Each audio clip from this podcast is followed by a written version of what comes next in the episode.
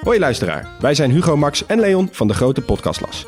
Wij zijn drie geografen en elke week behandelen wij een ander land. We bespreken onder andere de geschiedenis, politiek, natuur, maar ook de sport, de muziek en natuurlijk het eten. De nijlpaarden van Pablo Escobar, de vele bunkers van Albanië en het verschil tussen een sheik en een emir zijn zomaar wat voorbeelden die langskomen. Maar we bespreken ook de geopolitieke invloed van China in Afrika en de impact van het Europese kolonialisme. Luister dus wekelijks naar de audioversie van de Atlas, de Grote Podcastlas.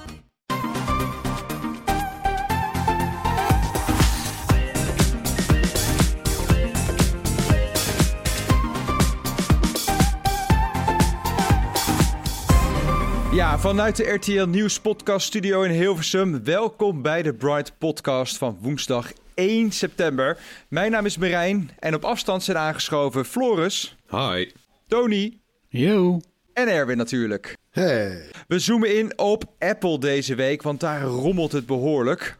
App Store perikelen, controversiële privacymaatregelen en software die rammelt. Verder staan we stil bij TikTok, Vemoof en het nieuwe PON-netwerk van KPN. Je hoort er straks alles over. We gaan beginnen.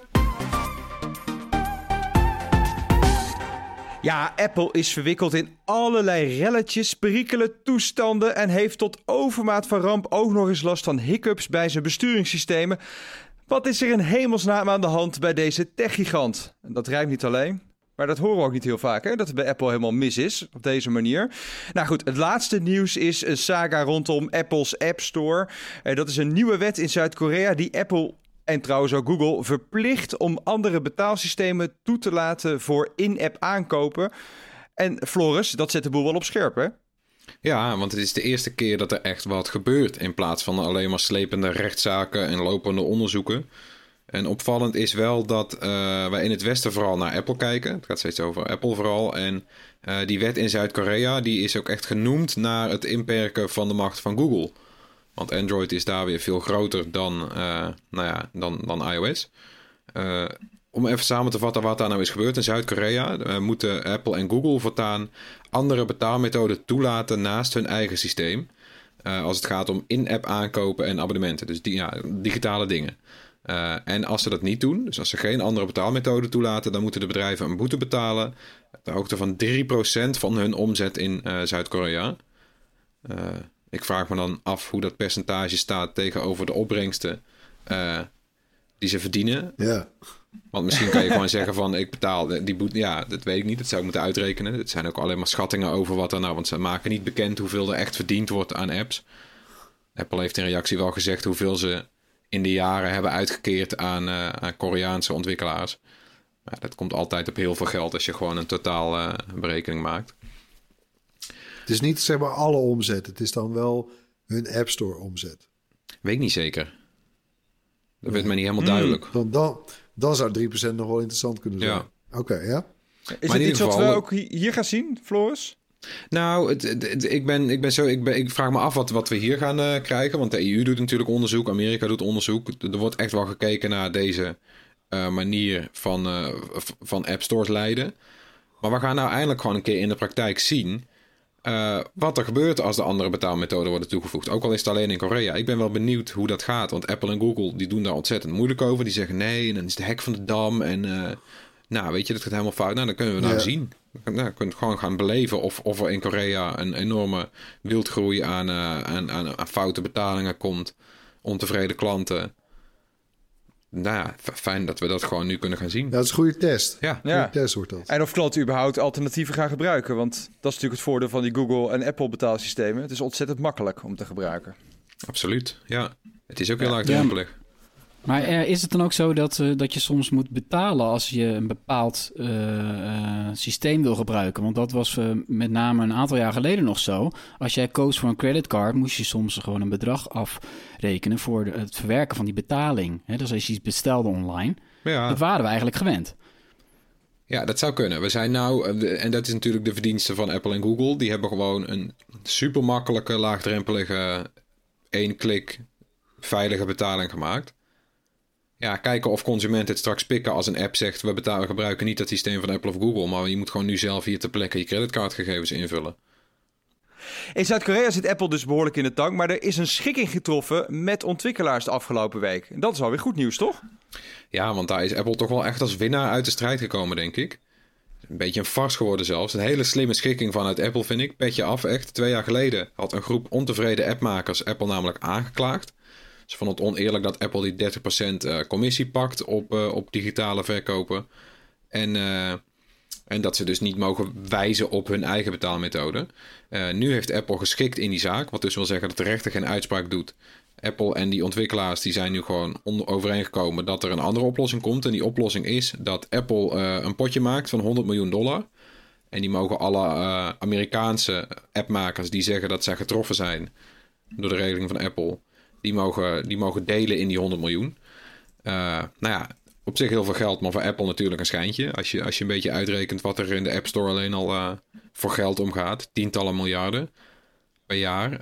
Um, en de tweede stap, en dit is misschien nog wel erger. Dat is eigenlijk de, kop waarmee Apple ook leidde van we hebben een schikking getroffen en dit gaat er veranderen. Dat is namelijk dat die ontwikkelaars mogen hun gebruikers uh, een mailtje gaan sturen met daarin de informatie over hun eigen betaalmethode. Dus om een voorbeeld te nemen, stel Spotify uh, had nog abonnementen via de App Store. En ik heb via de App Store een abonnement afgesloten. Dan mag Spotify mij een mailtje sturen met daarin uh, het, de, de, verklaring. Uh, je kan ook via ons een, een, abonnement afsluiten voor iets minder geld. en dat kan zus en zo. Dat, dat is het eigenlijk. van Apple. Ja, ja. aardig van ze. En that's it. Want je mag nog steeds niet... Waren de, wie waren de juristen van die ontwikkelaars dat die hiermee akkoord zijn gegaan? Ja, dat weet ik ook niet. Ik denk dat die vooral... Uh, nou, wat ook nog een leuk punt is natuurlijk de juristen. Uh, het is, het is zo'n class action lawsuit geweest. De juristen die vaak worden die betaald, uh, no cure, no pay. Dus die zijn en die, die pakken kennelijk een percentage van 30%, ook weer, heb je het weer, op, op, de, op de winst die wordt geboekt. Dus die, die pakken gewoon uh, die pakken 33 miljoen. Lekker. Daar zou ik ook heel snel uh, tevreden zijn, ja. Oh, ja, dat snap je hoe zij erin zitten. Ja. Hey, en wat, wat, ja, wat, wat zou Apple naar onze mening dan moeten doen met zijn App Store beleid? Ja, ik denk toch, weet je, uh, zet die betaling nou gewoon open, zoals nu in Korea uh, noodgedwongen wordt gedaan. Overigens trouwens niet hè, voor app aankopen, maar alleen maar voor in-app aankopen. Ja. Maar uh, ik zou zeggen, nee, gooi dat gewoon allemaal open en ga gewoon de concurrentie aan. Weet je, Apple ook en, en ook Google. Weet je, ze hebben zat troeven in handen. Weet je, het is veilig, het is, het is makkelijk. Uh, hey, ik vind zelf wel dat, dat overzicht met welke abonnementen ik heb lopen, ja, vind ik heel erg prettig. Ja. Nou, als ik dan vervolgens overal weer hè, via de site waarschijnlijk dan van een, van een app uh, een abonnementje ga afsluiten, ja, dan, heb, is het gelijk weer een zootje. Weet je, dat vergeet ik dan allemaal weer en... Dus uh, weet je, de, waar zijn ze nou eigenlijk bang voor? Tony? Ja, een ander punt uh, wat ik belangrijk zou vinden... is dat er eens een keer goed wordt gekeken naar hoeveel kosten maakt Apple nou precies... met het beheren van die apps. Er glippen ook nog allerlei vage, sketchy apps doorheen, hoor. Die gewoon in de App Store staan en die een kwalijk verdienmodel hebben. Dat is ja, echt zo. Absoluut. Uh, steeds vaker eigenlijk voor mijn gevoel. Dus ik zou toch wel fijn vinden als er een keer uh, wordt gekeken van... wat is het nou wat Apple precies doet... Uh, en welke percentagecommissie zou daar eerlijker bij horen dan dat het nu is? Want het voelt nu alsof Apple gewoon echt heel veel winst aan het maken is over die commissie.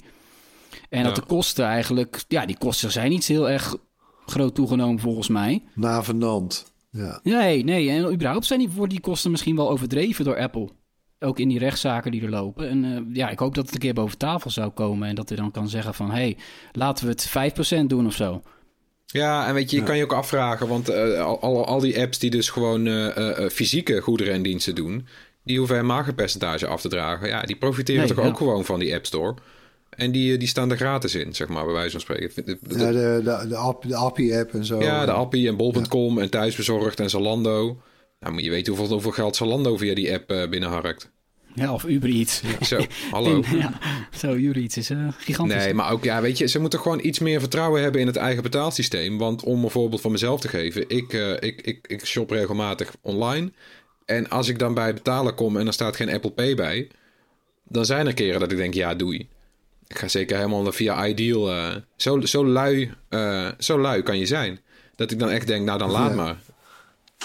En zo Dat is laagdrempelig... wel heel lui, hè? Ja. Ja, maar goed, weet je, zo laagdrempelig hebben ze het Floris. gemaakt. Dus, dus, dus ze moeten iets meer vertrouwen hebben in hoe, hoe relaxed hun eigen systeem eigenlijk is. En ik heb ook nog een tweede ding waar ik laatst pas aan dacht. Eh, en dat gaat eigenlijk vooral om de abonnementen.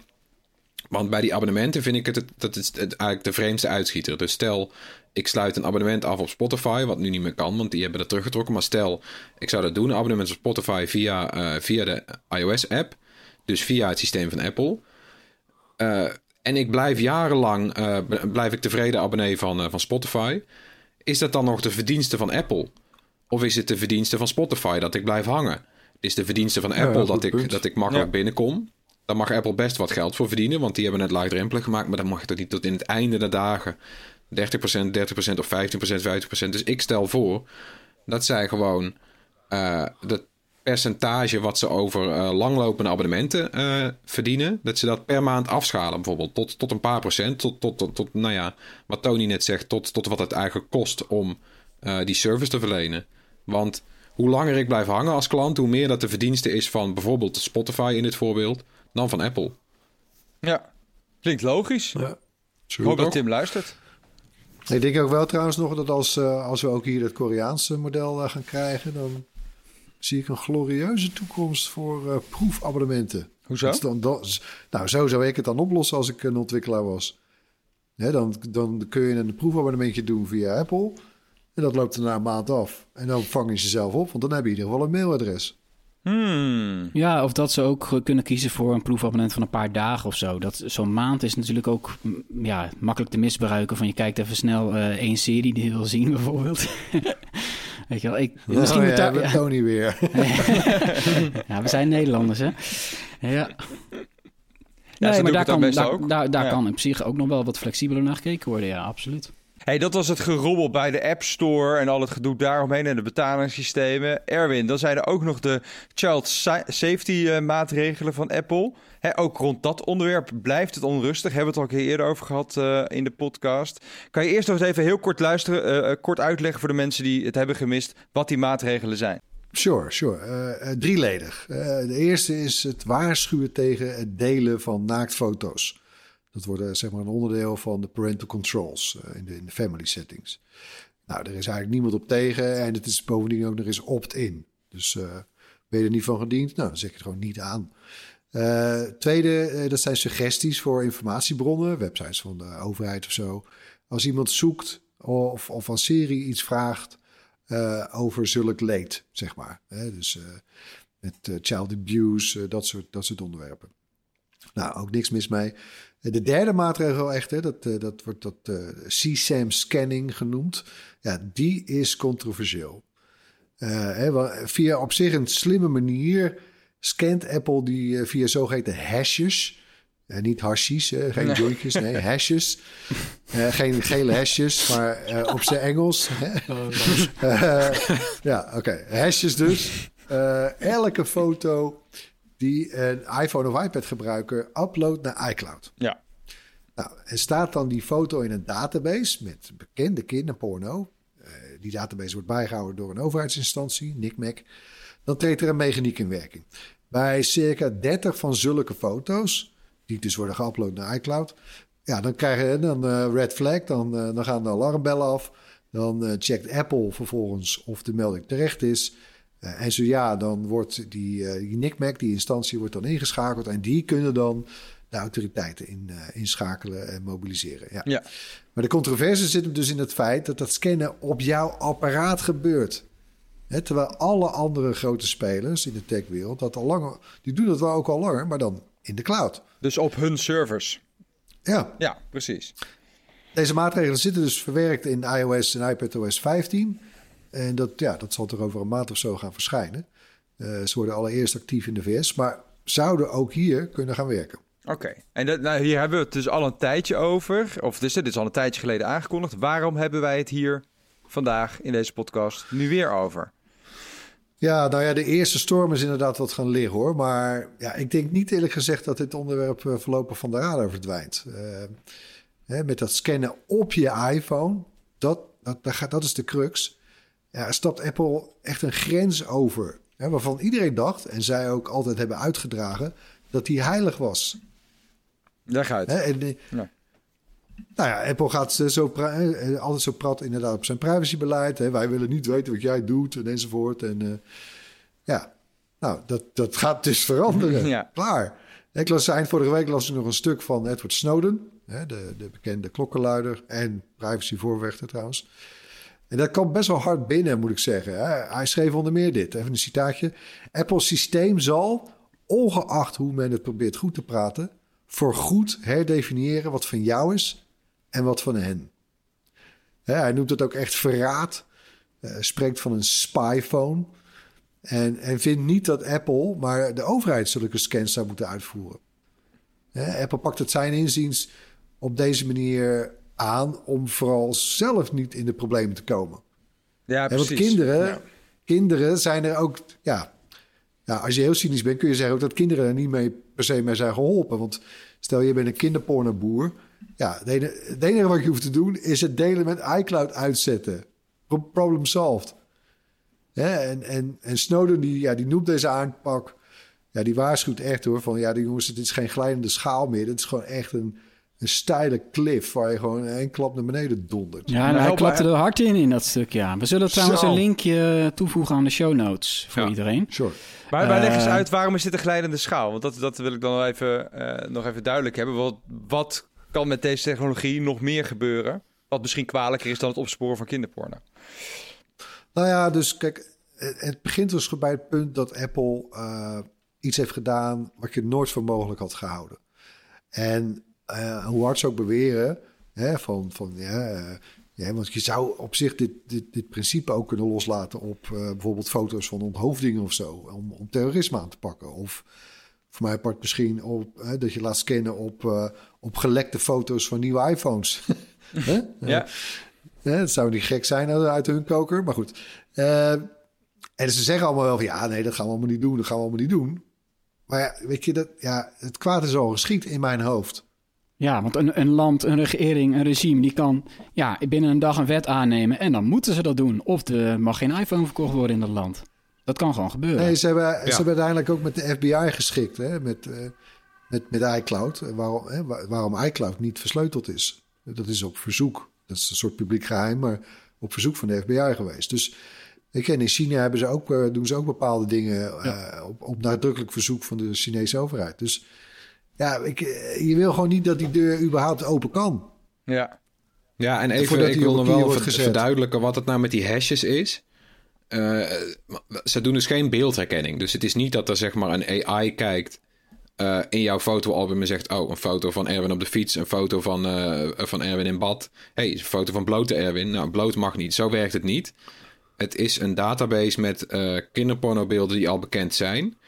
Daar is een soort van eh, eh, numerieke code van gemaakt. En als, eh, als het systeem foto's vindt die dus al bekend zijn... dus stel je hebt ook zo'n foto, je hebt diezelfde foto, die heb jij... eh, dan gaat het belletje rinkelen. Alleen nog steeds ja. natuurlijk, die techniek... die kan je technisch gezien inzetten voor bijvoorbeeld... eh, nou, weet je, de overheid van China kan zeggen... we willen foto's van, eh van, van, van Tankman... Dus die, die, weet je wel, die bekende foto op dat, op dat plein met die eh, plein van de hemelse vrede, met die man voor die rij tanks. Dat, dat, dat is, dat is eh, propaganda in China. Dat mag je niet hebben. Eh, nou ja, China kan dus zeggen, wij willen per se dat dat ingebouwd wordt, dat, dat je daarnaar zoekt. En technisch kan het. Dus het enige wat in de weg staat, is dat Apple koppig genoeg is om te zeggen tegen China, dat willen we niet. Dus dan moet je ineens Apple op zijn woord gaan vertrouwen. In plaats van dat je gewoon weet, mijn iPhone zit potdicht, daar komt niks tussen. Ja. Dat is denk ik de glijdende schaal hier. Ja, nee, ja, Ja, dit brengt kijk, een hoop landen Je hebt op ook ideeën. nog wel, hè, je hebt ook nog, eh, kijk, want er vindt op zich wel scanning plaats op jouw iPhone. Ja, Hè, ook bijvoorbeeld eh, eh, dat al de foto's die je neemt, hè, die worden keurig eh, ook eh, gerangschikt naar personen. ja, Hè, dus er vindt ook beeldherkenning plaats. Maar dat verlaat allemaal je iPhone niet. nee. Weet je, dus dat, dat, is, dat blijft op het toestel. Dat is, jij bent de enige die daar de vruchten van Hoe plukt. onhandig dat soms ook is. Want als je een nieuwe iPhone neemt, dan moet hij vaak die scan weer helemaal opnieuw doen. Dan is een paar dagen werkt die zoekfunctie niet, omdat hij al je foto's weer opnieuw moet scannen. Ja, ja. En, dat, en, dat, en dus Apple heeft al jarenlang eigenlijk eh, gebruiksgemak opzij geschoven, echt voor privacy. En nu doen ze ineens dit. Hè. Dat is toch wel heel gek. Ik las trouwens ook in dat stuk van de stond een linkje naar een kattenfoto die dezelfde hash heeft als een hondenfoto. En dan kon je erop... eh, Je kon Nou, ja. dus die hashes, dat is ook niet helemaal waterdicht, zeg maar. Nee, maar dat is Nee, expres. niet- Die heb ik ook Ja. gelezen, maar dat is eigenlijk een verkeerd voorbeeld. Want die wil foto's die er ongeveer op lijken, wil je ook afvangen. En er zit er ook nog een extra controle in, dus het is eigenlijk by design. Oké, check.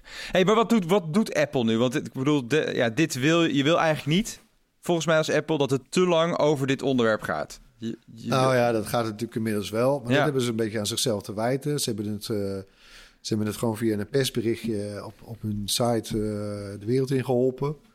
Ja, en het is, ja, het is een beetje, het is een groot PR-debakel eigenlijk aan het, nou, eh, nog steeds aan het worden. Dat edit het maar door.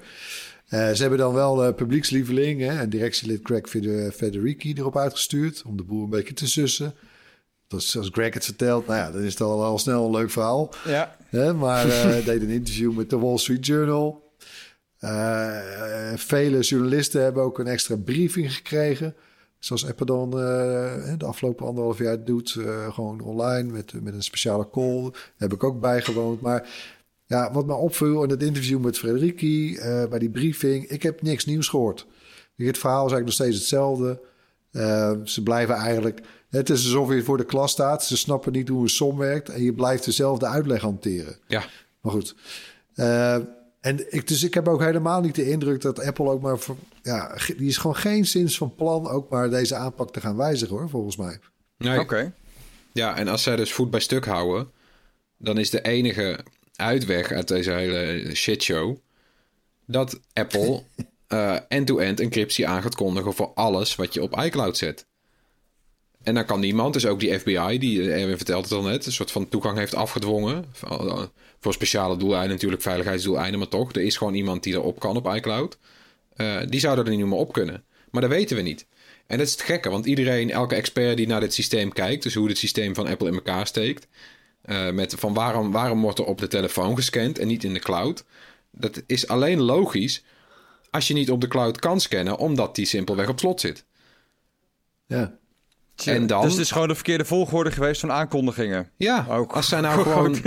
Ja, ook PR-technisch, weet je wel, had, had het handig geweest om te zeggen: eh, eh, headline, eh, iCloud wordt end-to-end versleuteld. Nou, iedereen blij, iedereen die met privacy te maken heeft. Subkop, we gaan wel op deze slimme, technische, vernuftige manier scannen op, op, op kinderpornobeelden. Dan is het alweer een heel ander gesprek dan dat je gewoon zegt: wat ze nu hebben gedaan, headline, we gaan op deze vreemde manier scannen op kinderpornobeelden. Ja, maar zijn jullie dan wel tevreden als dit dan is geregeld? Als die encryptie op de iCloud erop zit, dan, dan gelden alle bezwaren niet meer tegen dat scannen op je iPhone? Nou, kijk, ik snap wel. Apple zit natuurlijk wel met een, met een, met een soort lastige knoop. Hè? Want zij willen wel, net als eh, Facebook en Microsoft en Google, eh, bijdragen aan, het- aan het, nou, in ieder geval niet verder verspreiden van kinderporno. Daar dus ook actief eh, naar op zoek zijn. Eh, nou, al die genoemde partijen doen dat eh, in de cloud, op de server. Waarvan je als gebruiker, ja, beetje gevoelsmatig heb je wel zoiets van, ja, nou, daar, daar is het al niet meer van mij, toch? Ja. Eh, maar goed, als, mocht ze, en zou Apple inderdaad die hele iCloud helemaal versleutelen, wat fantastisch zou zijn, privacy-wise, ja, dan kunnen ze, ja, wat moeten ze dan? Dan kunnen ze er niet meer bij ook.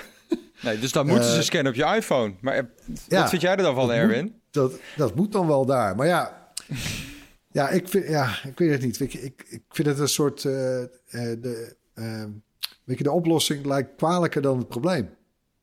Ja, ik denk dat eh, het onderhand wel zo ver is gekomen dat Apple er goed aan zou, zal doen om het gewoon eh, eventjes uit te stellen.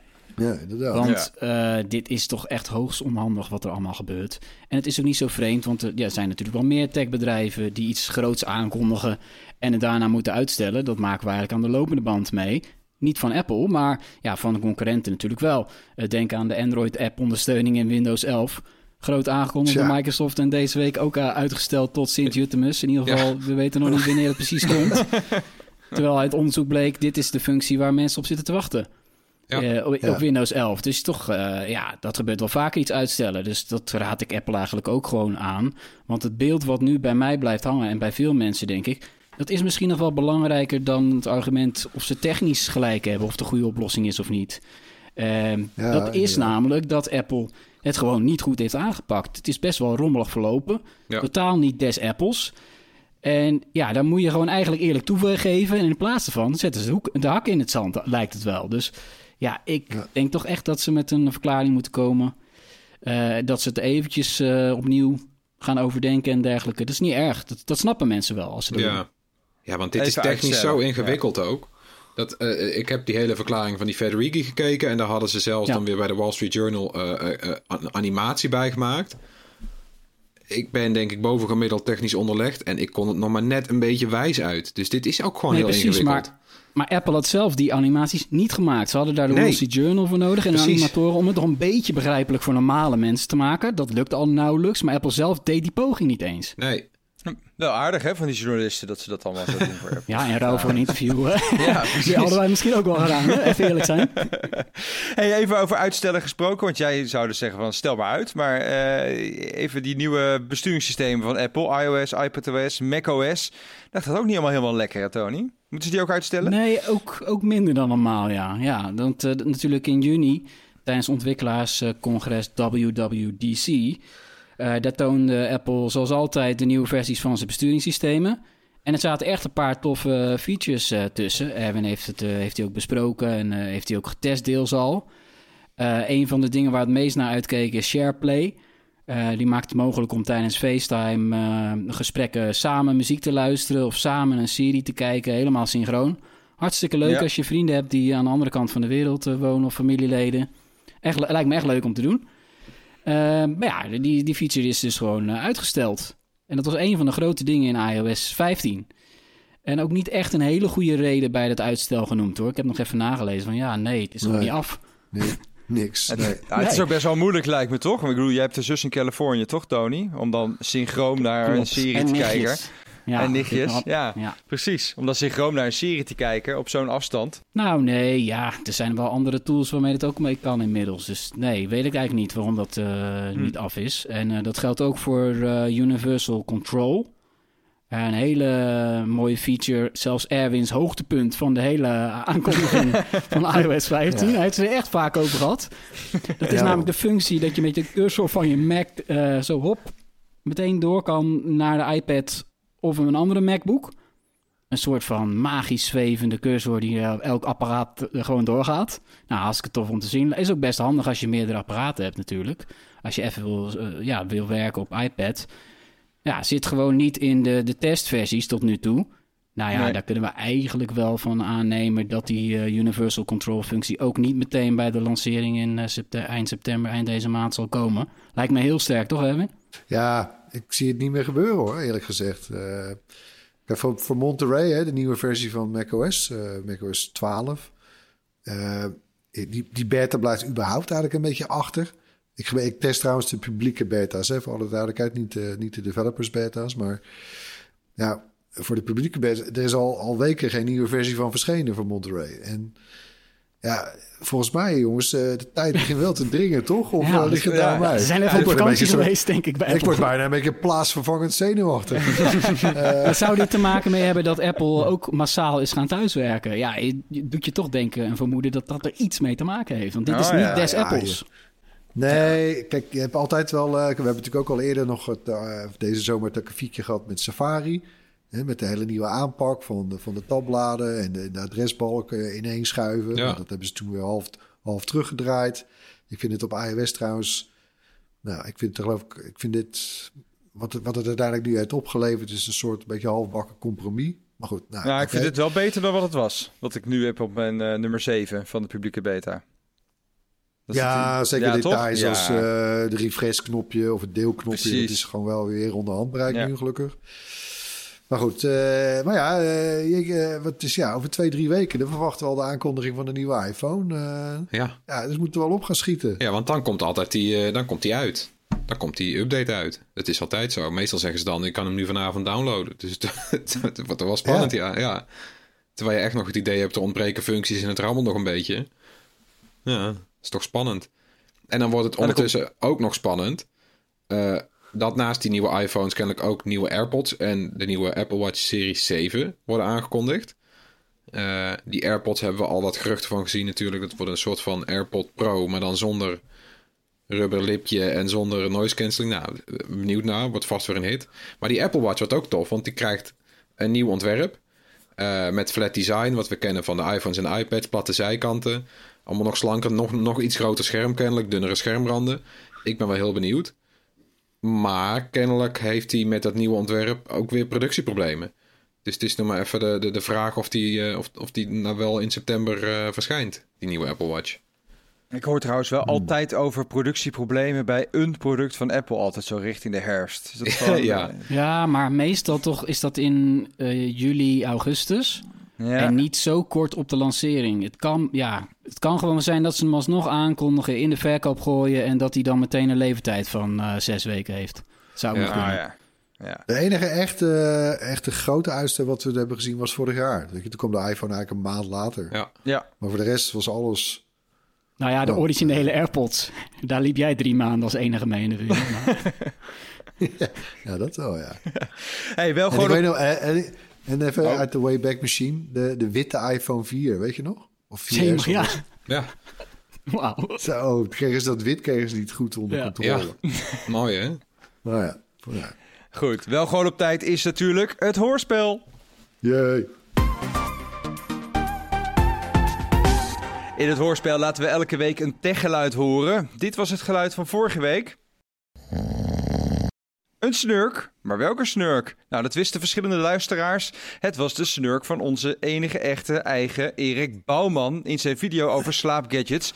Ga die vooral checken als je last hebt van snurken trouwens. Daar zaten wat oplossingen tussen namelijk.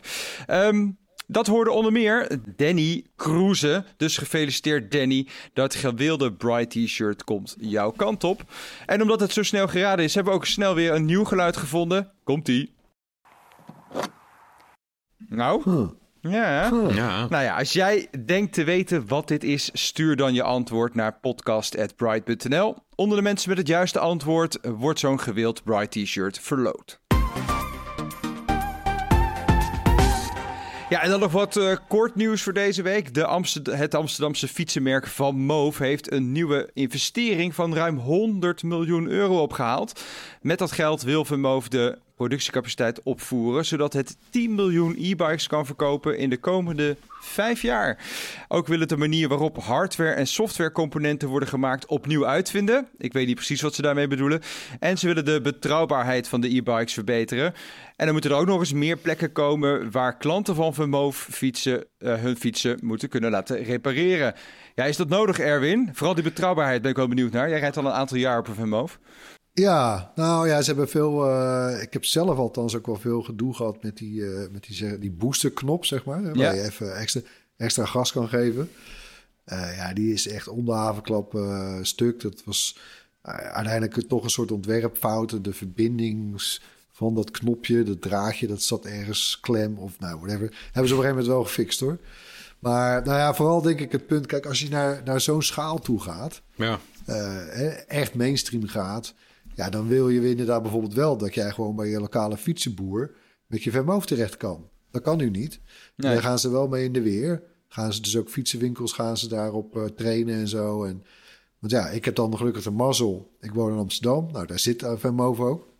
Dus ik kan altijd wel eh, binnen, binnen afzienbare afstand kan ik terecht. Maar ja, eh, als jij in Zuid-Limburg woont, nou, moet je voor elk uh, akkefietje moet je hele fiets opsturen. Dus eh, nee, ja, eh, ik ben, ik ben benieuwd. Eh, ik wens ze veel succes. Ik zie Ja. er al een paar Ja, trouwens.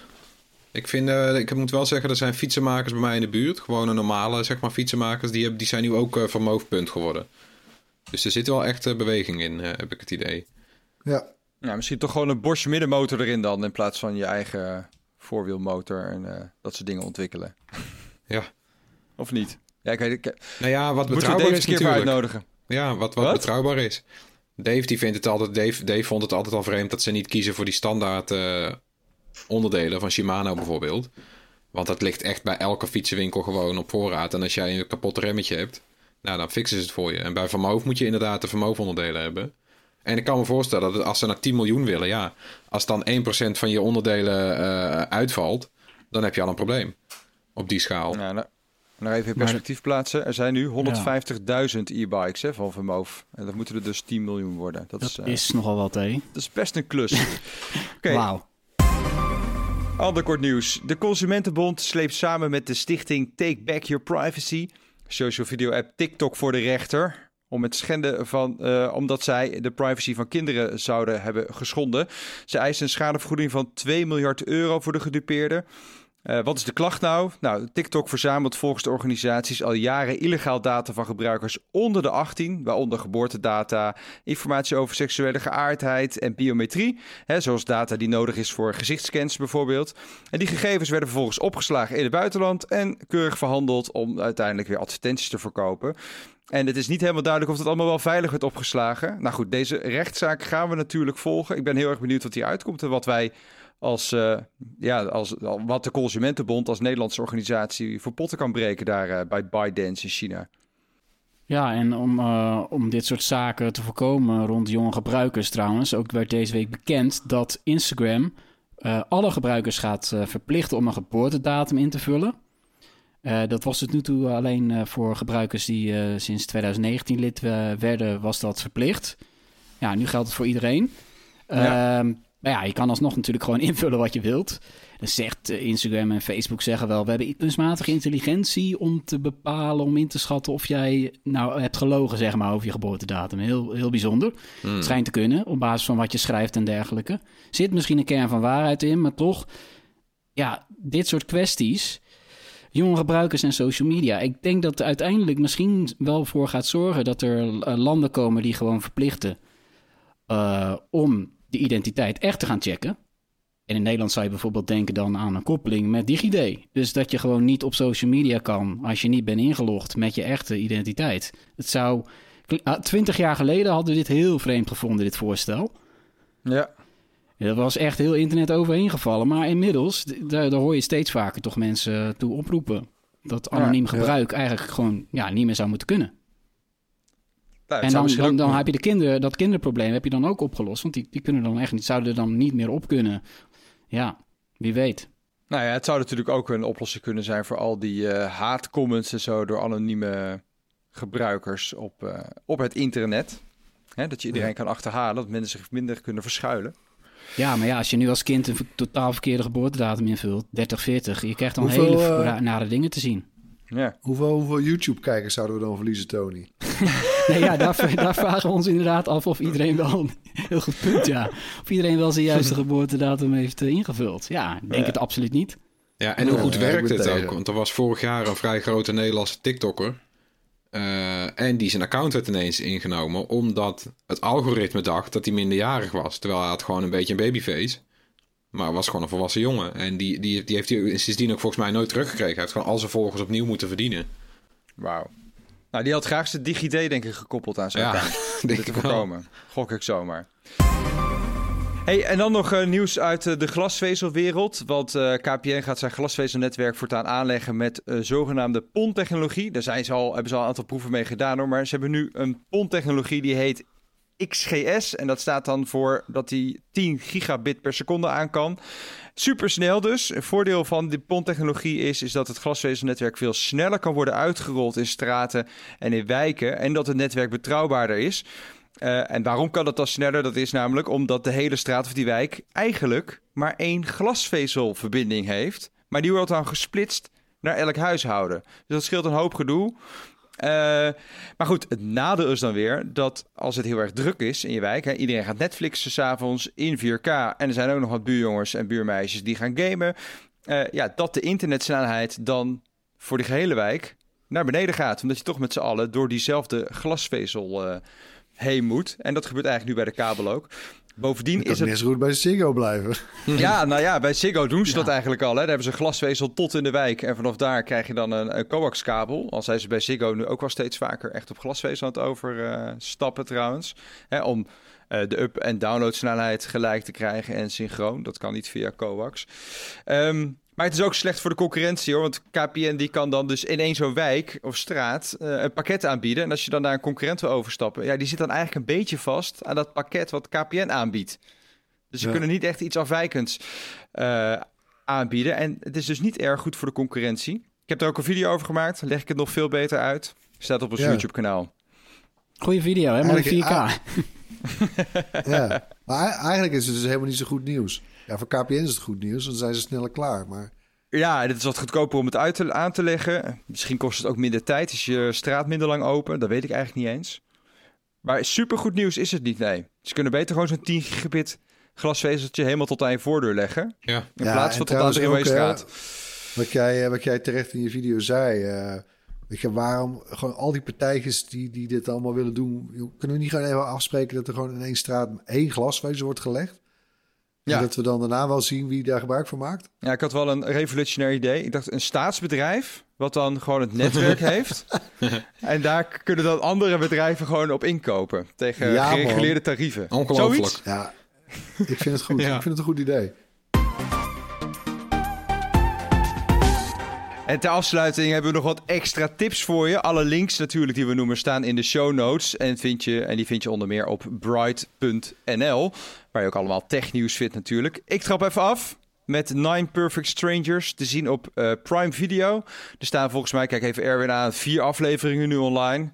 Ja, ja, ik ben Eh, ook bij. Ja, precies. Eh, Nicole Kidman speelt de hoofdrol. Het is ook een serie die door haar geproduceerd is. Net als Big Little Lies boven, bijvoorbeeld. Ook een pracht van een serie trouwens, kan ik je wel zeggen. Met een mooie titeltrack. Eh, Melissa McCartney speelt er ook in. En het is sowieso een sterrencast. En het komt erop neer... Er zijn eh, negen personen die gaan naar een retreat toe. Of een wellness toe om eh, zichzelf, ja, om even te ontspannen en zichzelf weer opnieuw uit te vinden. Dat is een beetje het verhaal. Maar die retreat is wel heel erg geheimzinnig. Hij is bijvoorbeeld niet te vinden op internet, of soms weer wel.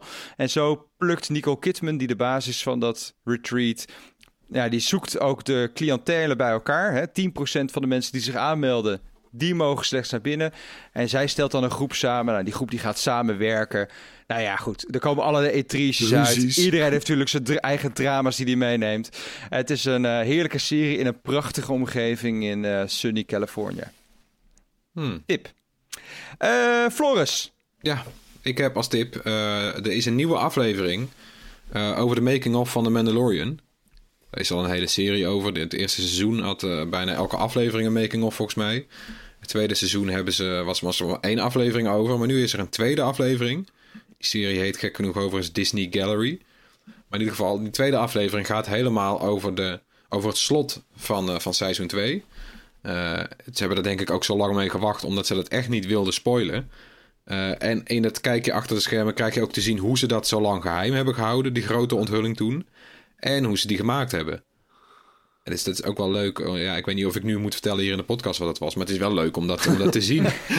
het is wel heel gaaf. twijfel niet. ook, ja. Doe maar niet, doe maar niet. Nee, doe maar niet. Nee, dus dat, dat is Nee. echt. zorg dat je heel de Mandalorian hebt uitgekeken. Wat er nu is. En kijk dan die aflevering, want het is wel leuk. Ook de afweging die ze gemaakt hebben. Wat voor technieken ze gebruikt hebben.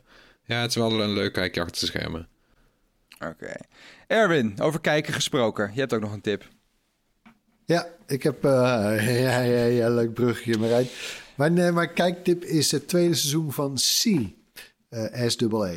Eh, dat is een serie op Apple TV+. Plus. Overal voor Jason Momoa. Gaat over een soort tri- tribal wereld. eh post-apocalyptisch. Eh, eh, waarin de mensheid een soort... eh, eh, eh, ze kunnen niet meer zien. Iedereen is blind. Eh, totdat er trouwens een paar kinderen worden geboren die wel kunnen zien. En dat, eh, dat haalt natuurlijk heel die wereld overhoop. Maar goed. Eh, en ik noem hem ook even vanwege eh, mijn video aanstaande vrijdag. Over special audio van eh, Apple. Want die serie, ja, die, die lijkt er wel voor gemaakt, man. Die, eh, die, die, de makers van de serie, die, die hebben... Ik bedoel, de, de, de mensen in, in het verhaal... Die zijn natuurlijk heel erg afhankelijk van hun gehoor. En die kunnen bij wijze van spreken op, op 10 kilometer... Nou, nee, niet, niet 10 kilometer, maar... Die kunnen op een kilometer eh, horen wie er aankomt, bij wijze van spreken. Dus die... En die ruimtelijkheid, dat zit ook in het verhaal... en soms ook echt helemaal in de audiotrack van, eh, van die serie. En zelfs in de, in de title eh, sequence. Dat is prachtig gedaan. Dus AirPods Pro En- in. En eh, kijken. Zo, ja hoor, Ja. en AirPods Max. Oh man, heerlijk.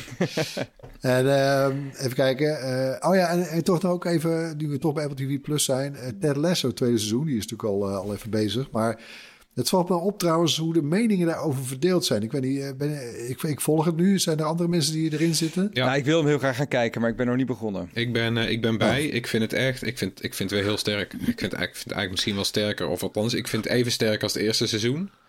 Gaat een beetje een andere kant op. Maar ik vind eigenlijk wel. Dit is de karakterontwikkeling die ik had gehoopt eigenlijk dat het zou krijgen. Nou ja, dat, is denk ik ook de reden inderdaad waarom de meningen wat verdeeld zijn. Want mensen hebben zoiets van, hè, want eh, het was eh, misschien wel de grote hit vorig jaar. Hè, de Mr. Mr. Mr. Feel Good, Ja. Mr. Optimistisch. Eh, deed iedereen in zijn omgeving zich beter voelen.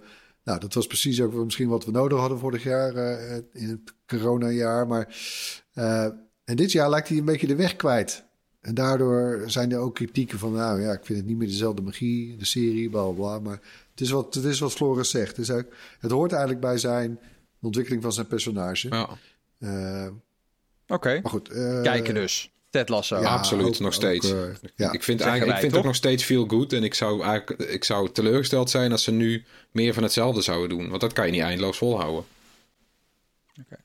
Hey eh, Tony, je hebt een abonnement genomen van één maand. Op welke dienst en waarom? Ja, op Disney. Die had ik nog niet. Ongelooflijk. Ja, nee, ik heb een abonnement op Disney Plus genomen... omdat ik wil graag eh, de negendelige documentaire serie... Dat ene woord Feyenoord... Eh, die wil ik eh, toch gaan. Ja, ja. die wil ik gaan kijken. Dat is, wordt bijzonder. Een jaar lang heeft een filmploeg...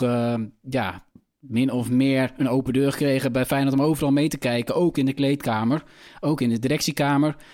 En dat overal meekijken, dat kun je wel tussen eh, aanhalingstekens zetten. Want het is natuurlijk geen echte journalistieke documentaire. Het is een soort van, ja, het is toch een commerciële productie eigenlijk. Het zijn, het zijn van die gelikte series die ook wel met andere sportploegen zijn eh, gedaan. Eh, maar voor Disney Plus is dit wel de eerste Europese Disney eh, original. Dat is toch wel bijzonder. Dat is wel, Ja, wel knap van Feyenoord. En ik vind het ook wel goed dat ze het gedaan hebben hoor. En je, je ziet ook scheldende spelers in de, in de kleedkamer en dergelijke. Maar, maar niks echt schokkends wat ik er natuurlijk gezien heb hoor. Ik denk dat het er ook echt niet in zit. Hoe is Dick? Ja, Dick is niet altijd tevreden, nee. Maar dat was afgelopen seizoen ook niet zo vreemd. nee, wat dat betreft... Ja, je hoopt dan ook dat, dat Feyenoord hier eh, financieel heel veel wijzer van wordt. Maar daar doen verschillende verhalen zich de ronde over. Uiteindelijk eh, schreef NRC houdt eh, Feyenoord hier volgens ingewijden tussen 1 en 1,5 miljoen euro aan over. Nou Ja, daar heb je eh, niet eens een nieuwe speler voor tegenwoordig.